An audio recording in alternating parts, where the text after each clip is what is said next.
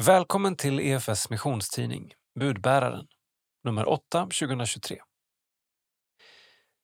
På framsidan ser vi en leende kvinna med svart, lite gråsprängt hår med rubriken Skriver för livet. Lisa om poesi och psykisk ohälsa. Övriga rubriker. Globalt. Vård når Iraks utsatta. Porträtt. Margareta om tro och terapi. Teologi. Om vårt ursprung och framtid. Innehåll. Sida 4. Filmpremiär. Sida 5. Praktikanter på väg ut. Sida 7. Krönika av Kerstin Oderhem. Citat. Misströsta inte om växten ser liten ut. Slutcitat.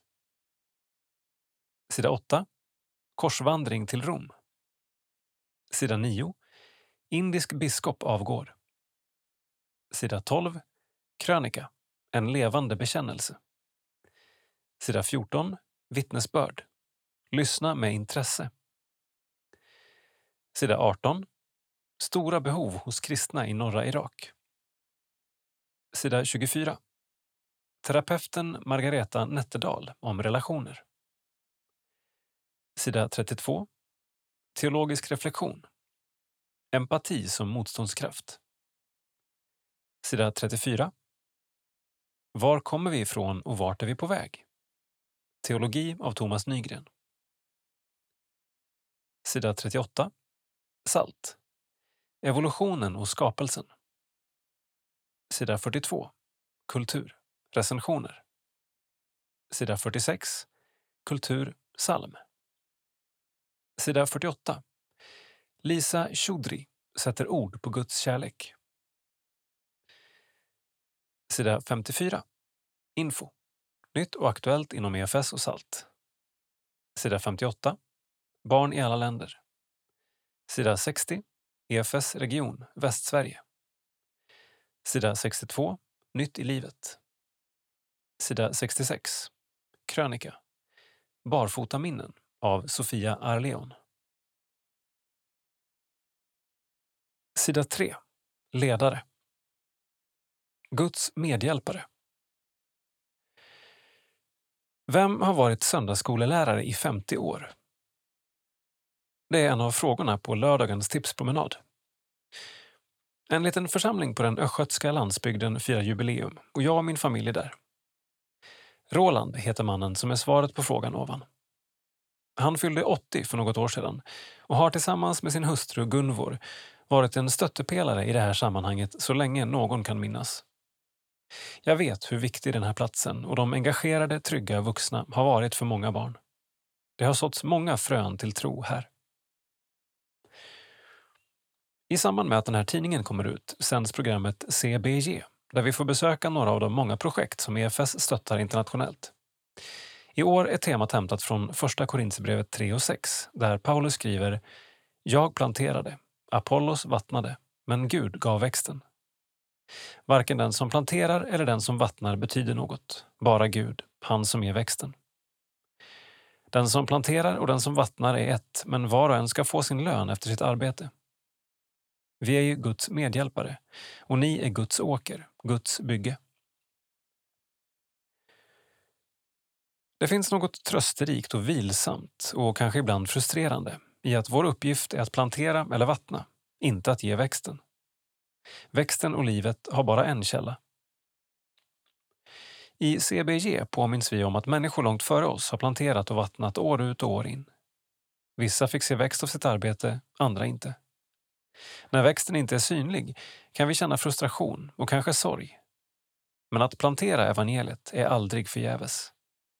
Det får berättelserna från CBG vittna om.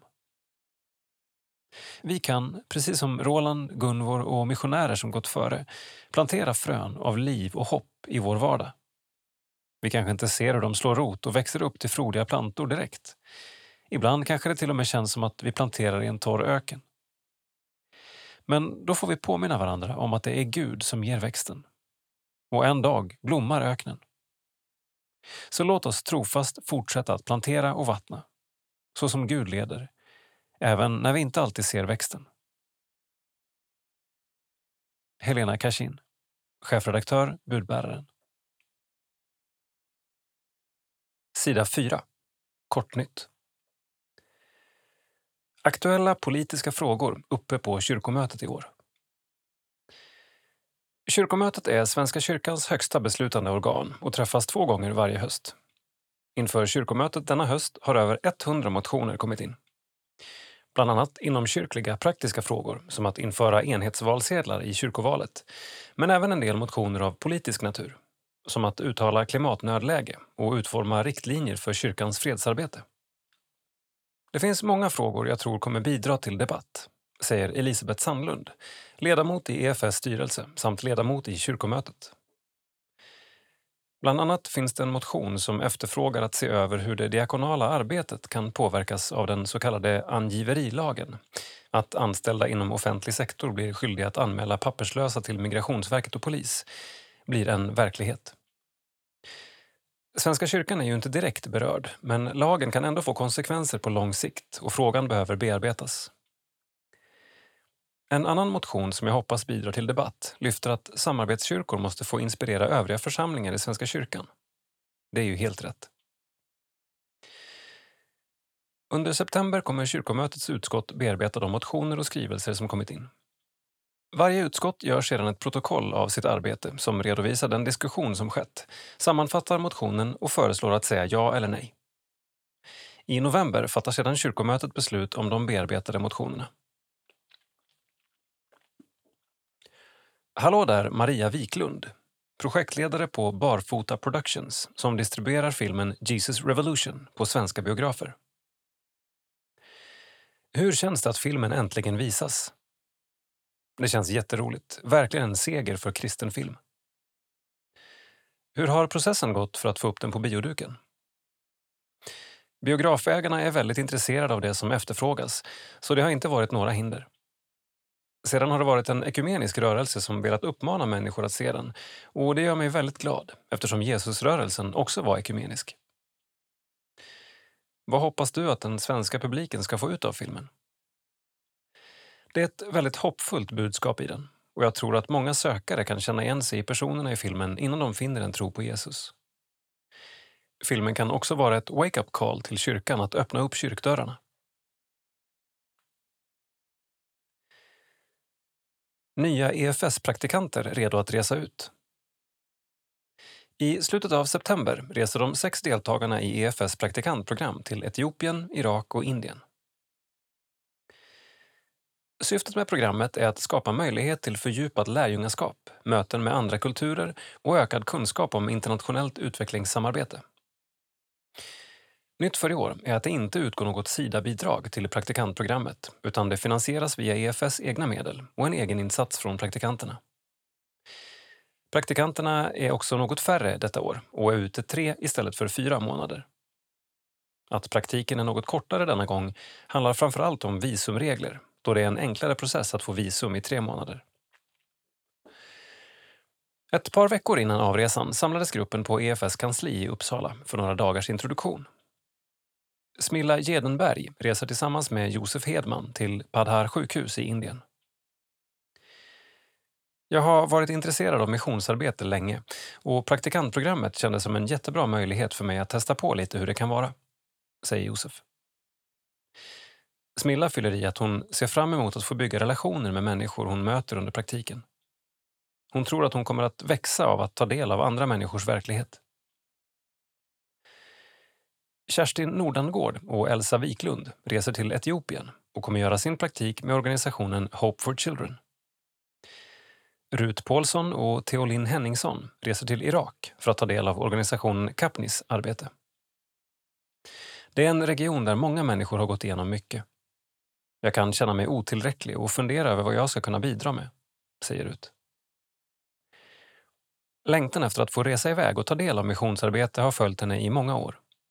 Hon beskriver det som frön som legat och grott länge och nu ska de få slå rot. Sida 7. Krönika. Vilka frön sår vi? Kerstin Oderhem delar med sig av betraktelser från sitt trädgårdsland. Fröna påminner om Guds rike. Sommaren 2023 kommer inte gå till historien som odlarnas drömsäsong. Jag är ingen odlare av stora mått, men även i liten skala tampades jag med en kall vår, en mycket varm och regnfattig juni, följt av en månads regn. I slutet av våren fick jag rådet att lyssna till om Gud vill säga något till mig i trädgårdslandet. Så jag spanade efter vad som hände där nere i jorden. Jag reflekterade över hur arbetet i kyrkan har många likheter med odlandet i trädgården. Nu när vi står inför en ny höst delar jag därför med mig av några av sommarens tankegångar. Tidigt i våras sådde jag frön. Vi skötte om dem och de små plantorna efter bästa förmåga. Alla överlevde inte, men de flesta. Några växte snabbt, andra långsammare och den planta jag hade mest förhoppningar på frös i en köldknäpp och återhämtade sig inte. Några av de frön jag sådde skulle bli tomatplantor. När det var dags att skörda höll jag i en tomat som var lika stor som min hand. Vilket mirakel naturen är. Att det ur ett brunt litet torrt gryn växer fram en planta som kan mätta en hel familj. Överallt där vi är som kristna delar vi med oss av frön, frön som har med Guds rike att göra. Det kan vara det som sägs eller görs i ett möte mellan två personer. Det kan vara i en gudstjänst eller i någon av kyrkans verksamheter. Det kan vara när vi ger gåvor som ger möjligheter för någon annan eller i förbönen som upprättar. Listan med exempel kan göras lång. Vi är med och sår, men det är viktigt att se att vi inte kan göra allt. I somras, när regnet vräkte ner, slog det mig att jag kunde skydda vissa växter från att drunkna, men jag kunde inte skapa sol. När det var torrtid och bevattningsförbud kunde jag heller inte skapa regn. Så är det också i Guds rike. Vissa saker kan du göra. Sedan måste du överlämna det till Gud. Hans andes vind behöver blåsa för att öppna hjärtan och göra ordet levande. I Guds rike gör vi vår del, sedan behöver Gud ge växten. I Guds rike kan den svage bli stark och den som är liten bli stor. Ur det som ser futtigt ut kan Gud låta det allra vackraste växa fram. Efter sommarens välbehövliga paus har nu det mesta dragit igång igen. Lägg märke till att du är en som sår frön. Var och vad sår du? Misströsta inte om växten ser liten ut. Gör vad du kan och lev överlåten till Gud. Säg till honom, jag har gjort vad jag kan. Nu måste du låta det bli till liv. Se dig också omkring och se vad han redan har gjort. Livet pulserar överallt och du är en del av det. Kerstin Oderhem, missionsföreståndare EFS. Sida 8. Kortnytt. Träkorset framme i Rom. Mats var en av fem korsvandrare som fick överlämna korset till påven. Gå för Sverige är en EFS-grupp som har gått med träkors, kors och tvärs i Sverige, genom Europa och nu i somras från Paris till Rom. Väl där överlämnade de korset till påve Franciscus och var de första som samtalade med honom efter hans undervisning. En av de fem korsvandrarna är evangelisten Mats Nyholm som har en god eftersmak av upplevelsen. Det kändes helt fantastiskt. En glädjens dag då vi fick möta påven i Rom och se hans mildhet och tro. Han höll ett undervisningspass om evangelisation och efteråt fick vi samtala med honom. Hans undervisning var slående likt det vi har fått göra alla dessa mil genom Sverige och Europa. Walk for Europe anordnas av Gå för Sverige och enligt Mats har gruppen två huvuduppgifter. Den första är förbön för Europa och den andra är evangelisation. Idén till föreningen föddes när Alf Lax ringde Mats när han var ute i blåbärsskogen 2019. Han frågade kort Mats, tycker du att vi ska gå med ett kors genom Sverige? När jag svarade ja sa han bara Bra, då gör vi det. Och så la vi på. Sommaren efter det drog vi igång och har gått sammanlagt 5 200 kilometer. Nästa sommar planerar gruppen att hämta korset i Rom på Sveriges nationaldag och gå till Jerusalem.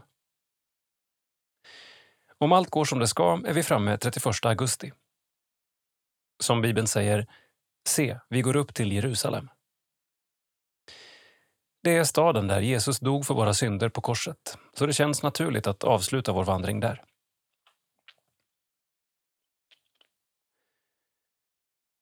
Indisk biskop har avgått. Biskopen för EFS samarbetskyrka i Madhya Pradesh har inte lyckats komma till bukt med korruptionsskandalerna. Evangelisk-lutherska kyrkan i indiska Madhya Pradesh har under flera års tid behövt hantera korruptionsskandaler i ledarskiktet. Biskopen Surendra Sukha tillträdde sin post 2022 med ambitionen att reda ut dessa skandaler, men ska nu ha gett upp och avgått. Förhoppningen finns dock från vissa håll att han ska kunna övertalas att dra tillbaka sin avskedsansökan. Sukha var en uppskattad kyrkoledare och dagen efter beskedet om hans ansökan så hölls en manifestation till stöd för honom med uppmaningen att han skulle återinträda i sin roll som biskop.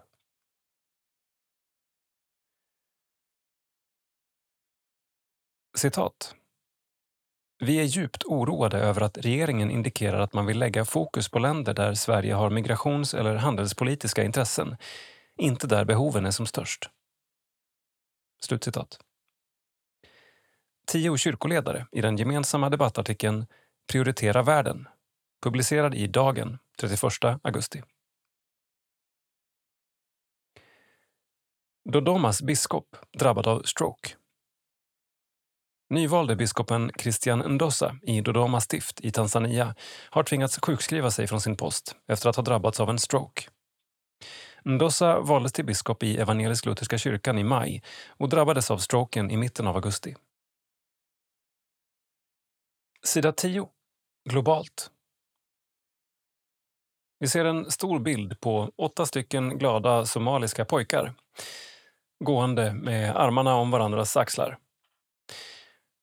Bildtexten I Somaliland samarbetar EFS med biståndsorganisationen Varsan som bedriver förebyggande hälsovård. Pojkarna på bilden är på väg hem efter en skoldag. Tillsammans med sina familjer tar de del av det hälsoarbete som Varsan bedriver. Sida 12. Krönika. Martin Alexandersson skriver om utmaningen att verkligen leva som om det vi tror på är sant. En levande bekännelse. Om någon hade följt mig i en vecka och sett hur jag levde, hade det då blivit uppenbart vad jag tror på? På ett plan skulle personen ganska snart förstå att jag tror på något högre väsen, som när jag tackar Gud för maten eller avslutar mina mejl med önskan om välsignelse.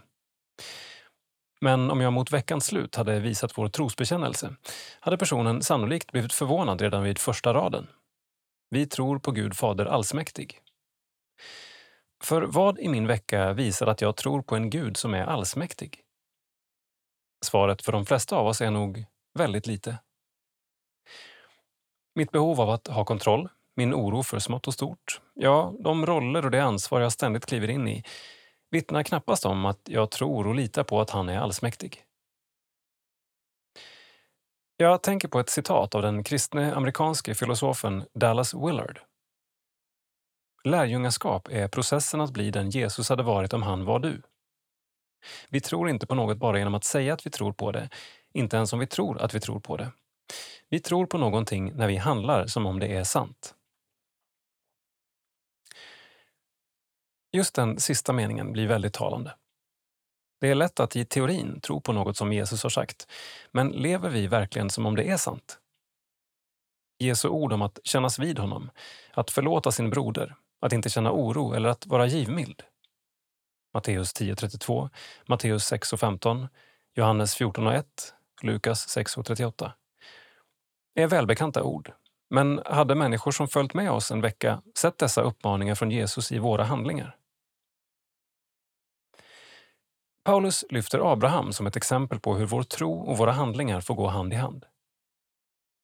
Gud hade lovat en gammal och barnlös Abraham att han skulle få många ättlingar. Paulus beskriver Abrahams agerande som att han sviktade inte i tron då han tänkte på att hans egen kropp var utan livskraft. Han var omkring hundra år gammal. och att Saras moderssköte var dött. Han fortsätter säga att Abraham var förvissad om att det Gud har lovat kan han också infria. Romarbrevet kapitel 4, vers 19 och 21.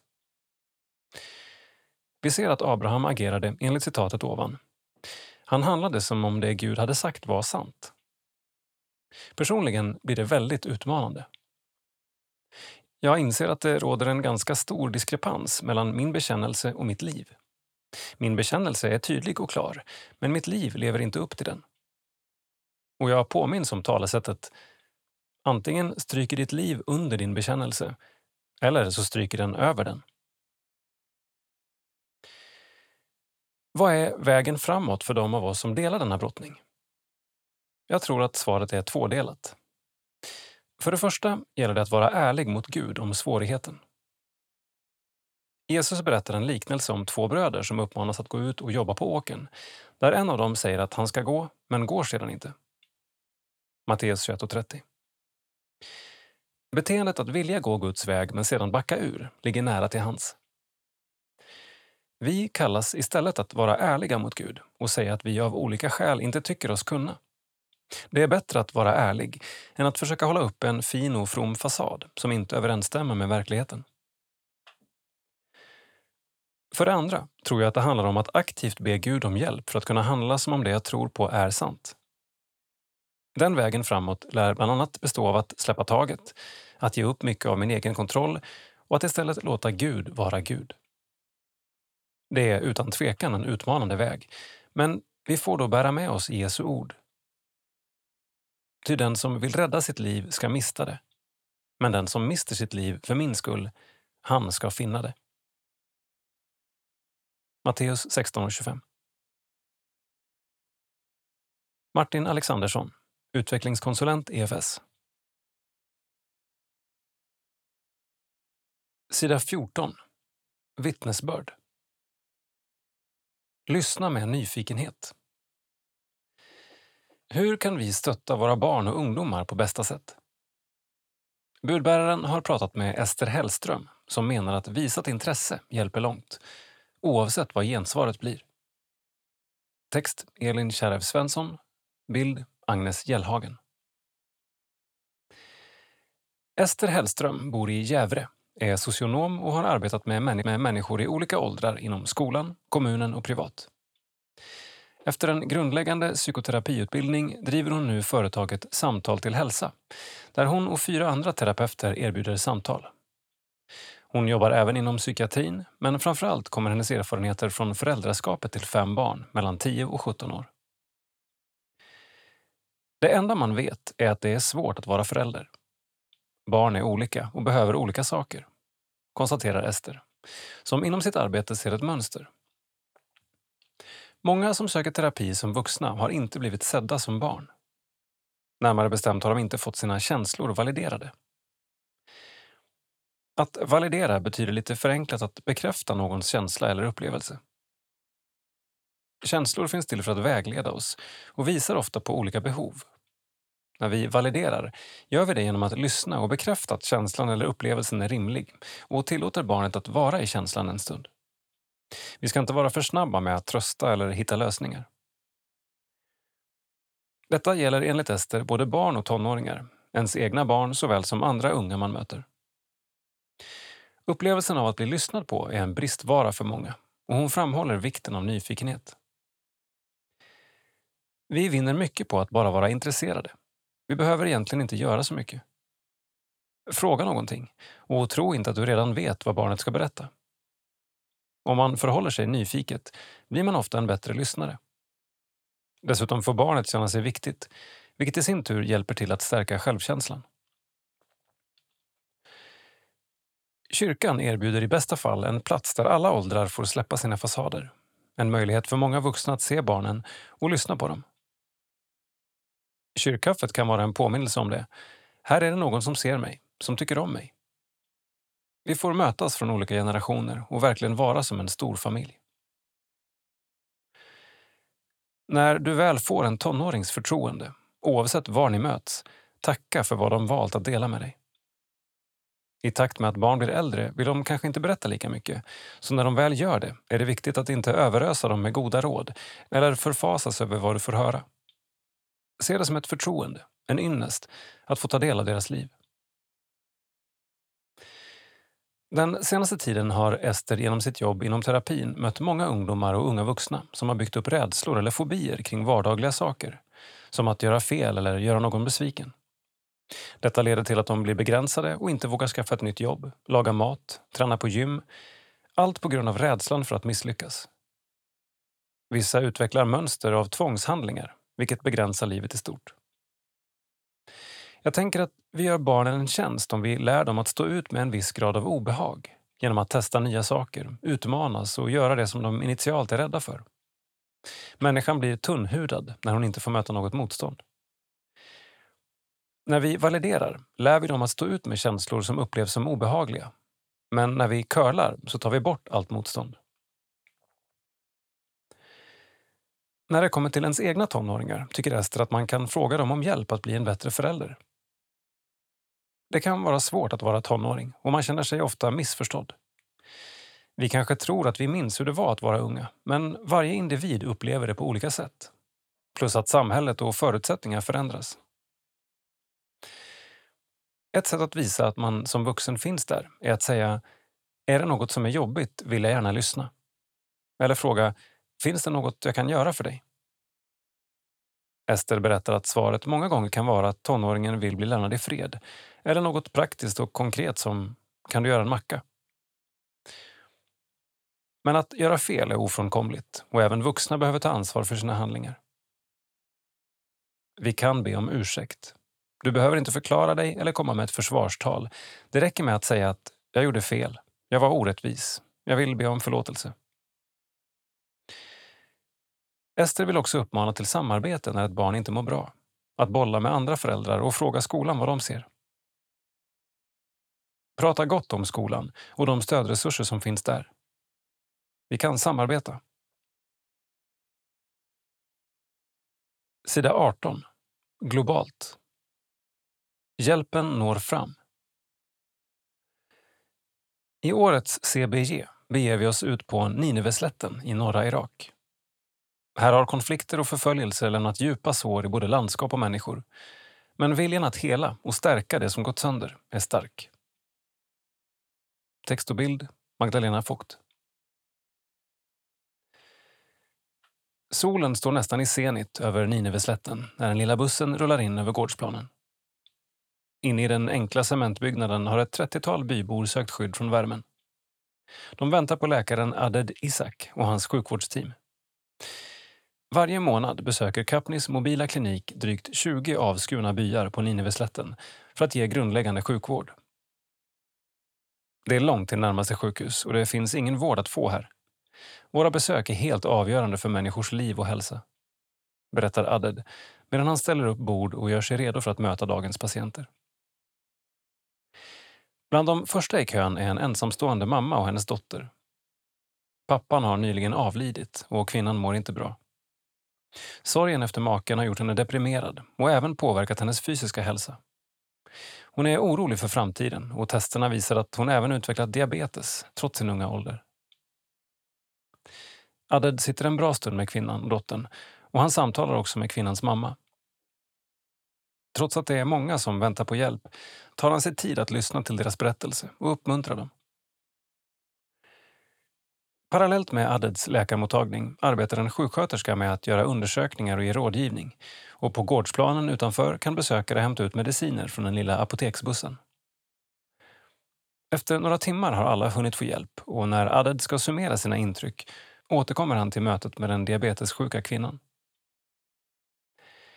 Ett av mina viktigaste jobb idag var att få trösta henne och säga att vi finns här för dig. Hon har barn som hon måste ta hand om och jag uppmuntrade henne att inte ge upp. Adde är märkbart berörd av mötet. Han understryker hur ofta den fysiska hälsan också hör ihop med den mentala. Att psykisk ohälsa kan trigga diabetessjukdomar och andra problem är inte ovanligt. När jag träffar patienter är det ju inte bara deras medicinska problem jag möter. Därför är det väldigt viktigt att jag får prata ordentligt med dem. De samtalen gör ofta stor skillnad i deras liv och det är även det som ger mig mest energi. De traumatiserade människor vi jobbar med behöver mycket mer än bara fysisk hjälp. De behöver få känna att vi finns där för dem och att det finns hopp, betonar Aded och citerar Kapnis ledord. Att hålla hoppet levande. Situationen i de drygt 20 byar som den mobila kliniken besöker är ofta svår. Arbetslösheten är hög, cirka 40 procent. Ofta saknas vatten, el, skolor och asfalterade vägar. Trots att det redan är sex år sedan den Islamiska staten drog sig tillbaka från Nineveslätten lever många fortfarande med svåra minnen och posttraumatisk stress. Samtidigt är viljan att stanna kvar i området väldigt stark hos många vi möter. Jag vill vara med och bevara en levande kristen tro och församling här i Irak. Detta är ett av de områden i världen där människor allra först kom till tro på Jesus. Vi får inte förlora det. Vi måste stanna kvar, säger Aded. Samtidigt vet Aded av egen erfarenhet hur det är att tvingas fly på grund av sin tro. Han bodde tidigare i staden Mosul, men när hot, trakasserier och avrättningar av kristna ökade 2006 tvingades hans familj att fly norrut, till de kurdiska delarna av Irak. När IS sedan drev hundratusentals kristna på flykt in i Kurdistan 2014 bestämde sig Aded genast för att hjälpa till volontärt. Han anmälde sig till Kapni och sedan dess har han blivit kvar där. Jag vet hur det är att vara flykting och inte ha någonting. I den situationen är varje liten hjälp och människa som bryr sig så betydelsefull. Jag kände att det är mitt ansvar att hjälpa till. Gud hade gett mig en möjlighet att skapa ett nytt liv för mig och min familj. Nu är det min tur att hjälpa andra och lindra deras nöd. Även om jag arbetar åtta timmar i sträck blir jag inte trött. Det här arbetet ger mig en sådan glädje.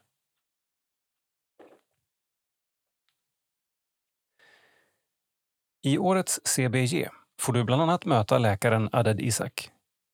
Ta tillfället i akt att bjuda in grannar och bekanta. Över en måltid eller en kopp kaffe kan ni tillsammans ta del av det fantastiska arbete som EFS är en del av. CBG 30 september 19.00 på efsplay.nu. Sida 24. Porträtt. Budbäraren möter terapeuten Margareta Nätterdal som ser stora likheter mellan evangeliet och kognitiv beteendeterapi. Text Josefin Follsten. Bild Denise Ridenfalk. Ställ frågan inåt. Var har du dig själv? Sedan 1995, alltså i snart 30 års tid, har Margareta Nätterdal drivit sitt företag Empatos.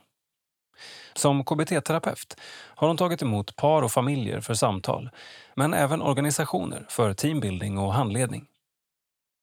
I vårt samtal en regnig dag i augusti återkommer hon ständigt till tron på Gud. Att tro på Gud skapar förutsättningar för det liv vi längtar efter, säger Margareta. Vi är skapade till att leva med Gud. Om den kanalen inte flödar fullt blir det effekter. Ofta identifierar vi inte att det är gudsrelationen som behöver byggas upp. Vi hittar andra sätt att förstå våra situationer. Vi tenderar att förklara våra utmaningar som om allt bara försiggick inne i oss själva. Tron fick Margareta med sig redan som barn. Under uppväxten var församlingen och gudsrelationen centrala och naturliga delar. Familjen bodde på ett lantbruk i Småland där livet kretsade kring arbetet på gården. Familjelivet var därför en gemensam erfarenhet. Man behövde inte berätta för varandra vad som hänt under dagen eftersom alla varit med om samma sak. När jag var barn pratade mamma och pappa inte så mycket om hur man mådde eller vad man tänkte, berättar Margareta. Då blev känslospråket inte så utvecklat. Jag fick inga ord för det som är på insidan. Jag kunde ju uppleva det i stunden, se ansiktsuttryck och känna stämningen, men orden för det som hände fanns inte. Hon ser en stor skillnad på familjeliv då jämfört med hur det ser ut nu. Idag delar inte familjelivet med varandra på samma sätt. Barnen går i skolan på ett håll, har fritidsaktiviteter på ett annat och möter intryck från sociala medier. Samtidigt har föräldrarna sina olika kontaktytor och mycket lite av familjelivet är gemensamt. De allra flesta familjer delar alltså inte sinnesintryck i vardagen längre. Det fordras att föräldrarna har ett känslospråk som de lär barnen. Ett barn som inte har ett känslospråk får ett glapp som vuxen. Eftersom man inte upplever samma saker med sina sinnen måste man förstå och kunna beskriva dem intellektuellt för att kunna ta in det i sin person, säger Margareta. Hon ser också en stor skillnad på föräldraskap nu och hur det var när hon växte upp. På det sättet att man idag efterfrågar barns vilja, lust och tankar. Hon menar att det samtida föräldraskapet innehåller mer frågeställningar än beslut. Den största skillnaden anser hon dock är att man numera ser barn som fullvärdiga människor. När jag var barn visste man bara vad som gällde. Det var ingen diskussion. Sammanfattar Margareta. I familjeterapin hon bedriver ser hon att den stora bristvaran idag är tid. Därför brukar hon råda föräldrar att ge sina barn koncentrerad kvalitetstid varje dag. En stund då man inte gör något annat utan bara är uppmärksam på sitt barn. Jag förstår att hon försöker få tidspressade föräldrar att slappna av när hon säger att det inte behöver vara en lång stund, bara det är full koncentration på barnet under den tid man ger. Ha som målsättning att ge tio minuters kvalitetstid om dagen till varje barn. Gör inget annat samtidigt. Laga inte mat eller tvätta bilen. Då är det barnet och du. Det räcker. Det mättar. Flera av Margaretas syskon har drivit egna företag, vilket kanske är anledningen till att steget inte var så långt dit för hennes egen del. I yrkesvalet har annars det stora intresset för människor väglett henne. Redan som tonåring pratade hon med sin stora syster om kundbemötande. Hon sommarjobbade då i sin systers företag och intresserade sig för människor och de roller vi spelar i olika sammanhang. Vi funderade på hur man bemöter otrevliga kunder och vad ett gott bemötande egentligen är. Sånt intresserar mig och innehåller väldigt mycket livskunskap. Som nyss fyllda 70 år är hennes erfarenhet att den svåraste kunden, eller människan, att bemöta är den osäkre som klär sig i översitteri. Det svåra är att det smittar. Det uppstår något som kallas för projektiv identifikation, alltså att en person projicerar sin djupaste känsla på sin omgivning.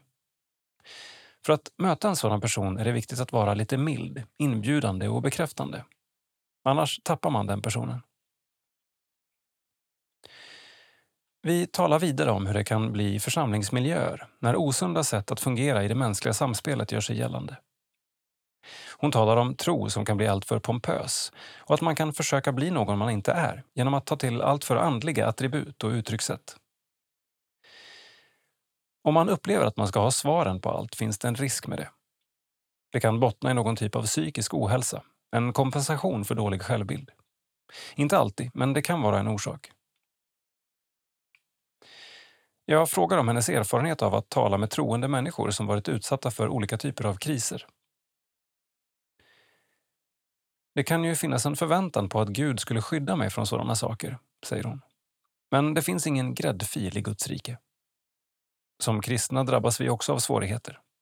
Men en skillnad för en troende är att det finns en trygghet och något stabilt att stå på.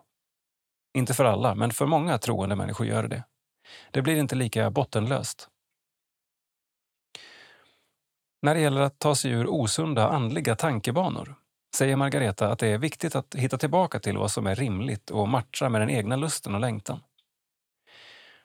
Hon citerar Filipperbrevet 2.13 där det står att det är Gud som verkar i er så att ni i er vilja och era gärningar förverkligar hans syften. Med detta menar hon att varje individ själv måste göra en prövning av de olika budskap man omges av. Det gäller även i kyrkan. Man kan alltså ställa frågan inåt. Var har du dig själv? Du själv är kapabel att bedöma det som sägs. Den inre människan behöver harmoniera med den yttre. Vi samtalar vidare om hur arbetet som terapeut och tron på Gud hänger ihop. Margareta menar att KBT-teorin och evangeliet har många likheter. Jag upplever det som att gå omkring med en påse frön. En sån där påse med sallads eller morotsfrön man sår på våren. Fröna är ganska oansenliga, färglösa och ser i princip döda ut. Jag måste veta vilken sorts frö jag ska så. Det är mitt jobb. Men sedan är det Gud som får det att börja växa. Så tycker jag det är att arbeta både med KBT-terapi och evangeliet. Den kognitiva teorin tittar mycket framåt på vad människan har i sin potential och längtan. Evangeliet syftar också framåt, mot vad den helige Ande vill göra i våra liv. Så hur går den där växten hon talar om egentligen till? Vad är det som sker när en person väljer en inriktning för sitt liv som är sund? Margaretas erfarenhet av tillväxt är att det tar tid och att det är en process. En terapi tar tid. Det är inte fyra samtal och sen är det klart. Det tar 10 till 15 samtal och då träffas man varannan vecka. Så det är en process på ett halvår, uppemot ett år, innan man ser växten börja spira. Grundläggande råd hon ofta återkommer till i sina samtal är ärlighet mot sig själv och den situation man har. Var ärlig med hur du känner. Är du rädd? Är du ledsen? Blir du tillfredsställd? Agera inte bara som du brukar, utan var närvarande i situationen så att du kan känna in vad som är tärande och vad som är närande. När Margareta delar sina tankar om terapi, psykisk hälsa och ohälsa beskriver hon vikten av att finnas i nuet och bejaka livet så som det är. Att ha en livsbejakande inställning. Samtidigt finns ett djupt och hållbart hopp i den kristna tron. Margareta har erfarit att tron har burit genom hela hennes liv, även genom svårigheter. I avslutningen av vårt samtal återkommer vi till just det. Den psykiska hälsans koppling till tron på Gud. Margareta konstaterar att det är en stor trygghet att vara troende. Att vara rättfärdiggjord oavsett min egen insats. Där i ligger något som är så livsbejakande, säger hon. Jag kommer till korta lite här och där, men jag har någon som kompenserar mig. Det är en oerhörd trygghet. Herren är min herde och inget ska fattas mig. Det blir kanske inte som jag har tänkt mig, utan på andra sätt. Men jag kan vila i att Gud tar hand om det här. Gud har perspektivet och han vet. Avslutar Margareta. Margareta Nätterdal. Familj. Maken Leif. Två döttrar. Bor i Uppsala. Har en stuga i Småland. Utbildning. Margareta har studerat vid Socialhögskolan i Stockholm och vid Ersta Sköndal högskola. Bibelord. Det som sås förgängligt uppstår oförgängligt. Det som sås i vanära uppstår i härlighet. Det som sås i svaghet uppstår i kraft. Första Korinthierbrevet 15 och 42 43. Gör för att slappna av. Gärna vara helt själv. Sticka, dricka kaffe, läsa när jag vill. Sida 32. Teologisk reflektion.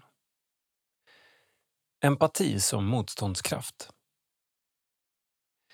Hur kan vi förhindra att historiska tragedier som Förintelsen upprepar sig? Teologen Rebecka Folkesten påminner om vikten av att hålla hårt i den bibliska värdegrunden. Text Rebecka Folkesten. Illustration Benjamin Kruse. Den 1 juni 2018 var en varm dag i Polen med strålande sol och 28 grader. Efter månader av vinterblek hud kände jag tacksamhet för solens värme. När jag blundade kändes det som om jag var på en paradisö. Men när jag öppnade ögonen insåg jag var jag befann mig. Exakt på den plats där helvetet en gång var verklighet för hundratusentals människor. Förintelselägret Birkenau. 175 hektar brutal och beräknande ondska. Förintelsen, ett av de mest brutala folkmorden i modern tid, ägde rum mellan 1941 och 1944. Nazisterna använde pseudovetenskapliga rasteorier från 1800-talet och avancerad teknik för den systematiska massutrotningen av judar och andra minoritetsgrupper samtidigt som folkmordet fungerade som ett verktyg för att markera etnicitet när ideologisk konkurrens frodades och nationalstater bildades. Inflationen ledde många tyskar att satsa på Hitlers nazistiska parti i hopp om en lösning. Endast ett fåtal tyskar agerade mot grymheterna medan majoriteten passivt stödde folkmordet. Som Martin Niemöllers dikt Först kom de illustrerar. Det dröjde decennier innan många erkände sitt bidrag till ondskan. Vi befinner oss i en spänd världssituation, liknande den under mellankrigstiden för hundra år sedan. Genom att reflektera över historiska onda handlingar förstår vi det komplexa samspelet mellan ideologier, trosuppfattningar och politik, vilket kan leda till fasansfulla handlingar där fanatism och maktbegär tar över. För att förhindra upprepning av liknande tragiska händelser måste vi aktivt motverka det spända världsläget och det hårda samhällsklimatet som högerpopulister i Sverige har medverkat till genom att demonisera muslimer och flyktingar. Under mina masterstudier i religioner i fred och konflikt lärde jag mig att religion, makt och politik är nära sammankopplade. Religionens roll är väsentlig vid situationer som innefattar etnisk rensning, konflikter och krig.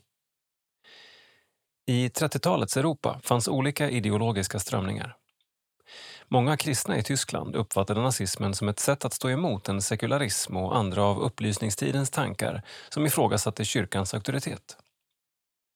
Ansedda teologer som Kittel, Hirsch och Althaus var del av Deutsche Christen, tyska kristna, och skrev teologiska verk som stödde nazismen. I det forna Osmanska riket rättfärdigade ungturkarna folkmordet på armenier och minoritetsgrupper genom att skapa en stark nationalstat baserad på den muslimska tron.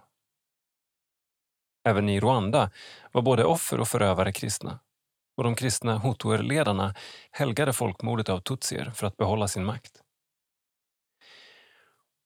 Grunden för att värna om människovärdet och kämpa mot förtryck och orättvisor är empati. Förlorar vi den kan det leda till ett sluttande plan mot folkmord. Ett viktigt steg för att förhindra det är att reflektera över våra teologiska och ideologiska tolkningar och ställningstaganden för att försäkra oss om att vi är starka nog att stå emot hat, främlingsfientlighet, homofobi, funktionshinderfientlighet och andra former av förtryck. För att kunna göra detta behöver vi utforska Bibeln och vad den säger i ämnet.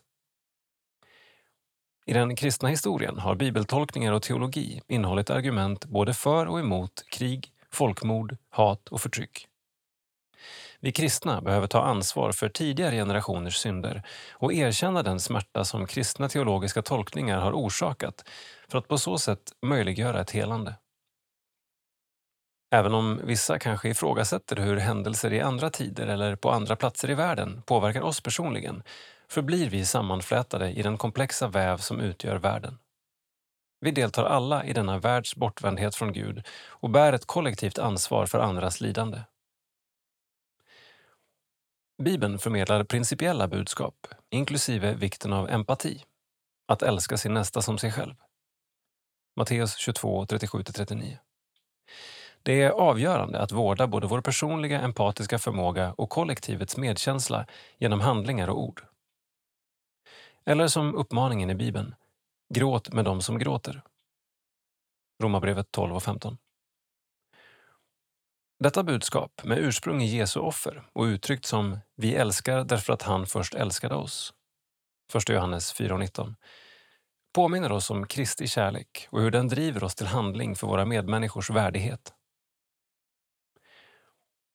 Efter Förintelsen sa vi “aldrig igen”. Låt oss arbeta för fred, kärlek och rättvisa, ta kollektivt ansvar och bygga en värld där vi värderar våra medmänniskors värdighet, inspirerade av principerna som Bibeln förmedlar. Att älska sin nästa som sig själv. Tillsammans behöver vi sträva efter att skapa en framtid där empati styr våra handlingar och där vi låter Kristi kärlek vägleda oss i värnandet om våra medmänniskors mänskliga värde. Sida 34. Teologi. Var kommer vi ifrån och vart är vi på väg? Thomas Nygren skriver om våra djupaste rötter och livsmål som människor. Text Thomas Nygren, illustration Benjamin Kruse. Ett sätt att försöka beskriva skillnaden mellan människor och djur är att människan till skillnad från djuren frågar efter både ursprung och framtid. Vad har hänt? Hur började allt? Hur kommer det att bli? Denna typ av frågor är så grundläggande att vi inte kan låta bli att ställa dem. Det kan till och med vara svårt att vara tillfreds med livet om man inte har svar på dessa frågor. Barn undrar hur de blev till och leker lekar om vad de ska bli. Äldre vuxna kanske är släktforskare och försöker klarlägga sina rötter. Vi skickar in DNA-prov för att spåra våra förfäder ännu längre tillbaka i tiden. Frågor om vad som ligger bakom saker och ting och frågor om framtiden driver även en hel del av den vetenskapliga forskningen. Ett exempel på det är en av det sena 1900-talets mest uppmärksammade teoretiska fysiker och kosmologer, Stephen Hawking. En av hans drivkrafter var att försöka komma bortom Big Bang-teorin och skapa en enhetsformel med vars hjälp man kunde beskriva hela den fysiska världen. Varför är vi så intresserade av denna typ av frågor? Det teologiska svaret är att vi som Guds avbilder är skapade med både ett ursprung och ett mål. Vi är skapade att delta i Guds stora berättelse, Guds plan med hela tillvaron. Vårt ursprung finns i Guds skapartanke och vårt mål finns i en evig gemenskap med Gud. Synden har gjort att Gud blivit skymd både som ursprung och mål, vilket har medfört att de ofrånkomliga varifrån och vartill-frågorna fått en extra laddning. Gud har i sitt ord tagit höjd för vår vilsenhet och rotlöshet. Bibeln börjar med våra djupaste rötter. I begynnelsen skapade Gud himmel och jord och berättar sedan om att människan skapades till Guds avbild. Första Mosebok 1. I det sista kapitlet i Bibelns sista bok, Uppenbarelseboken 22, beskrivs tillvarons mål. Här får vi i en vision en glimt av den upprättade skapelsen inför Guds tron. Men Bibeln uppenbarar inte enbart historien och framtiden. Vi får även en liten titt bakom kulisserna, in i Guds evighet före begynnelsen. I Johannes evangeliet kapitel 17, vers 24-26 får vi del av Guds enhetsformel för hela tillvaron. Fader, jag vill att de som du har gett mig ska vara med mig där jag är, för att de ska få se min härlighet, den som du har gett mig, eftersom du har älskat mig redan före världens skapelse. Rättfärdige Fader, världen känner dig inte, men jag känner dig, och de har förstått att du har sänt mig. Jag har gjort ditt namn känt för dem och ska göra det känt, för att den kärlek som du har älskat mig med ska vara i dem och jag i dem. Vi får veta att Gud fader före skapelsen älskade sonen och att skapelsen blev till för att Gud ville dela denna kärlek vidare. Med andra ord får vi veta att Gud är kärlek. Gud skapar inte för att kunna bli kärlek, som man behöver tänka om man enbart betonar att Gud är en, eftersom kärlek förutsätter relation till någon annan. Gud i sig har relationer, något som kommit att uttryckas i den kristna trons treenighetslära och kan därför vara evig kärlek. Vi får även veta att Gud, Fadern, ger härlighet till Sonen och att Sonen gör Faderns namn känt. Med andra ord finns bakom hela skapelsen en självutgivande kärlek där gudomspersonerna betjänar och ärar varandra. Djupast i Guds plan för hela tillvaron är Guds kärlek, Guds självutgivande kärlek. Det mest grundläggande i tillvaron är alltså inte makt, som många ideologier och även en del religioner hävdar, eller fortplantning och överlevnad, som en del som tror att biologi kan förklara allt hävdar. Det som är djupast i Guds plan, självutgivande kärlek, säger en hel del om vad vi egentligen borde söka och är avslöjande att speglas emot. Det hjälper oss att förstå varför makt och karriär inte kan mätta oss eller ge oss ro varför vi hela tiden törstar efter kärlek och kan drivas till nästan vad som helst när acceptans och kärlek utlovas. Men det hjälper oss även att ana varför ödmjukhet och förlåtelse, självutgivande kärlek praktiserad i syndens värld, kan ha en sådan förvandlande styrka och varför Jesu död på korset verkligen speglar Guds innersta. Nu är Guds kärlek inte det enda som kan sägas om Gud. Gud är till exempel enligt Bibeln även helig och allsmäktig.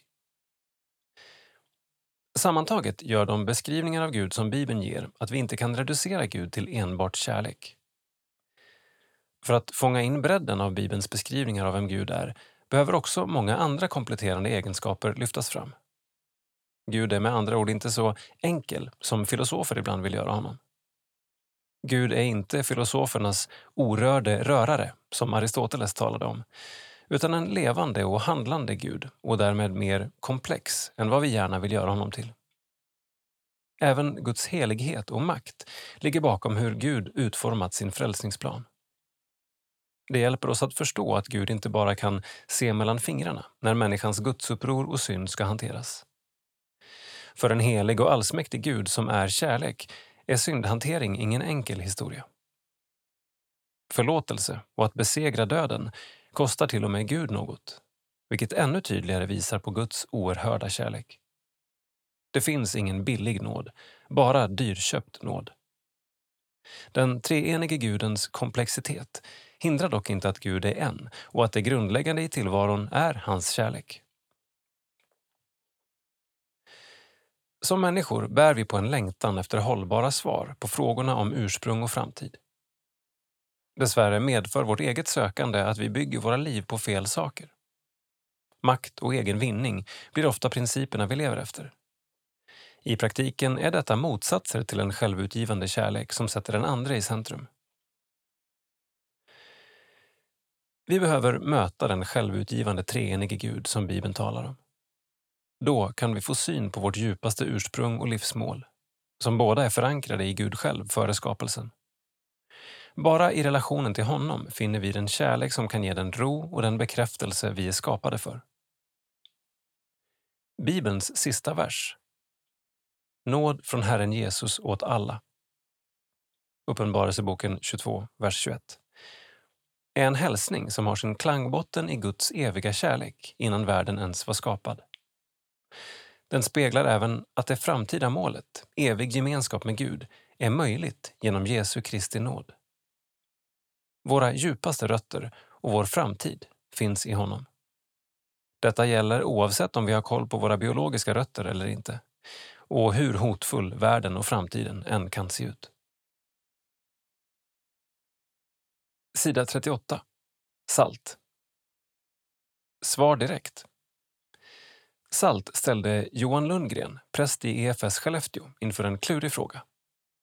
Detta är vad han kom fram till. Hur hänger evolutionen ihop med skapelsen? Det här med evolutionen, det är klurigt tycker jag. För där säger man ju att människan härstammar från aporna. Hur hänger det ihop med kristendomen och att Bibeln säger att det är Gud som skapade människan? Klara, 11 år. Svar direkt. Hej Klara. Det här är verkligen en jätteviktig fråga. Jag kommer kanske inte att ge det roligaste svaret utan berätta lite hur olika kristna kan tänka. Det finns i grova drag tre olika sätt som man kan tänka kring skapelse och evolution. 1. Man tror inte att mänskligheten skapades via evolutionen utan direkt av Gud. Man tolkar alltså skapelseberättelsen i Första Mosebok 2 bokstavligt. En följd blir att man är skeptisk till de så kallade mellanformerna mellan apa och människa. Man menar att dessa inte nödvändigtvis måste vara våra avlägsna släktingar utan är utdöda apor eller till och med varianter av människor. 2. Man tänker att Gud skapat mänskligheten via en naturlig process, det vill säga evolutionen. Skillnaden mot det vi läser i skolan är att Gud skapat alla naturlagar. Han har designat universum så att evolutionen haft bland annat mänskligheten som mål. Det är alltså ingen slump att vi människor finns till. Det skiljer sig från den helt slumpmässiga evolution vi hör om i skolan. 3. Gud har använt naturliga processer men har också ibland gått in mer aktivt och skapat. Han kan ha hjälpt till att utveckla vissa familjer av djur eller varelser. Man ser det som att Gud i vissa ögonblick i historien har talat till skapelsen och tvingat fram en förändring. Ett exempel kan vara det första livet. Vi har nämligen ingen aning om hur man kan skapa ens en enkel cell. Ett till exempel är att vissa avancerade funktioner dyker upp i fossillagren utan några spår av evolution från en enklare form. Som de första getingarna och fjärilarna. De dyker upp utan några evolutionära spår med den nära mirakulösa egenskapen att gå från larv till puppa och senare till geting och fjäril. Från ett kristet perspektiv är det viktigaste att vi tror att Gud skapat oss och att han gett människan en speciell status som Guds avbild. De som tror att man inte behöver Gud för att förklara varför universum, livet och rationella människor finns till har idag inte kunnat presentera bevis på hur det skulle vara möjligt. Själv tycker jag att vetenskapen inte gjort behovet av Gud mindre utan gett oss fler skäl att tro att Gud är den bästa förklaringen till varför universum, livet och mänskligheten finns till. Varma hälsningar. Jag som svarat heter Johan Lundgren och är präst i EFS Skellefteå. Hur möter vi barnen? Värdet av att vi vuxna ser och bekräftar barn, ungdomar och unga vuxna i kyrkan är något som vi får påminna oss om. Det lilla vi gör för att ge uppskattning till de som är yngre kan göra stor skillnad. Sammanställning Maria Ottestig. Skatten på äventyr med Gud. När jag ser barnen komma fram under gudstjänsten med spänd förväntan över vad som finns i skattkistan blir jag alldeles varm i hjärtat. De är vår framtida kyrka. Jag blir glad över de som leds fram av sina föräldrar, men också av de som glatt galopperar själva av frivilliga. Kanske blir jag mest berörd av de som jag förstår har makt att säga nej, men valt att komma, just för att de själva vill. Barnen växer upp till unga vuxna, men fortsätter att beröra med sin närvaro i kyrkan. Jag undrar ofta om de själva förstår vilken viktig roll de har bara av att närvara. Att de är ett vittnesbörd, en uppmuntran, ja, en stor glädje. Bara genom att finnas där och tillsammans med oss äldre fira gudstjänst. Bertil Mannesson, EFS Luleå. Citat. Många gånger tror vi att barnen känner sig sedda och trygga i kyrkan, men det är ingen självklarhet. Låt oss ha en öppen dialog om vårt förhållningssätt och våga ta hjälp när det behövs. Slutcitat. Maria Ottestig utmanar oss att inte gå i samma hjulspår. Visste du att I trygga händer, ett pågående arbete? Inom SALT och EFS arbetar vi med I trygga händer, ett material från Frälsningsarmén för att förebygga övergrepp bland barn och unga. Trygghet för våra barn och unga är vår uppgift och prioritering. Materialet vilar på en kristen grund och tar upp ett andligt perspektiv. Vi behöver förstå vad som påverkar barn och ungas utsatthet och mående. Vi har ett ansvar för hur barnen i vår verksamhet bemöts av både vuxna och av andra barn i gruppen. Vi vill kunna uppmärksamma om barn som kommer till vår verksamhet verkar fara illa. Forskning visar på betydelsen av trygga vuxna i barnens omgivning. Vi vill stärka det mandat vi har att göra en skillnad för de barn och unga vi får förtroendet att möta. Barnens bön. Gud, vi tackar dig för alla barn. För alla i din stad, i Sverige och i hela världen. Vi ber att alla barn ska få lära känna dig, må bra och känna sig trygga och glada. I Jesu namn. Amen. Resurser. I tryggahander.se. Här finns resurser, handlingsplaner, videos med mera. Elevkonventionen.se. Samtalsfrågor för barn i skolåldern, skapad för lärare och andra vuxna runt barn. Minarattigheter.se. Samtalsmaterial för barn i lägre åldrar. Prinsparets stiftelse.se nathat. Om mobbning och näthat, bland annat med en handbok för föräldrar. Friends.se hur ska vi prata med barnen om mobbning?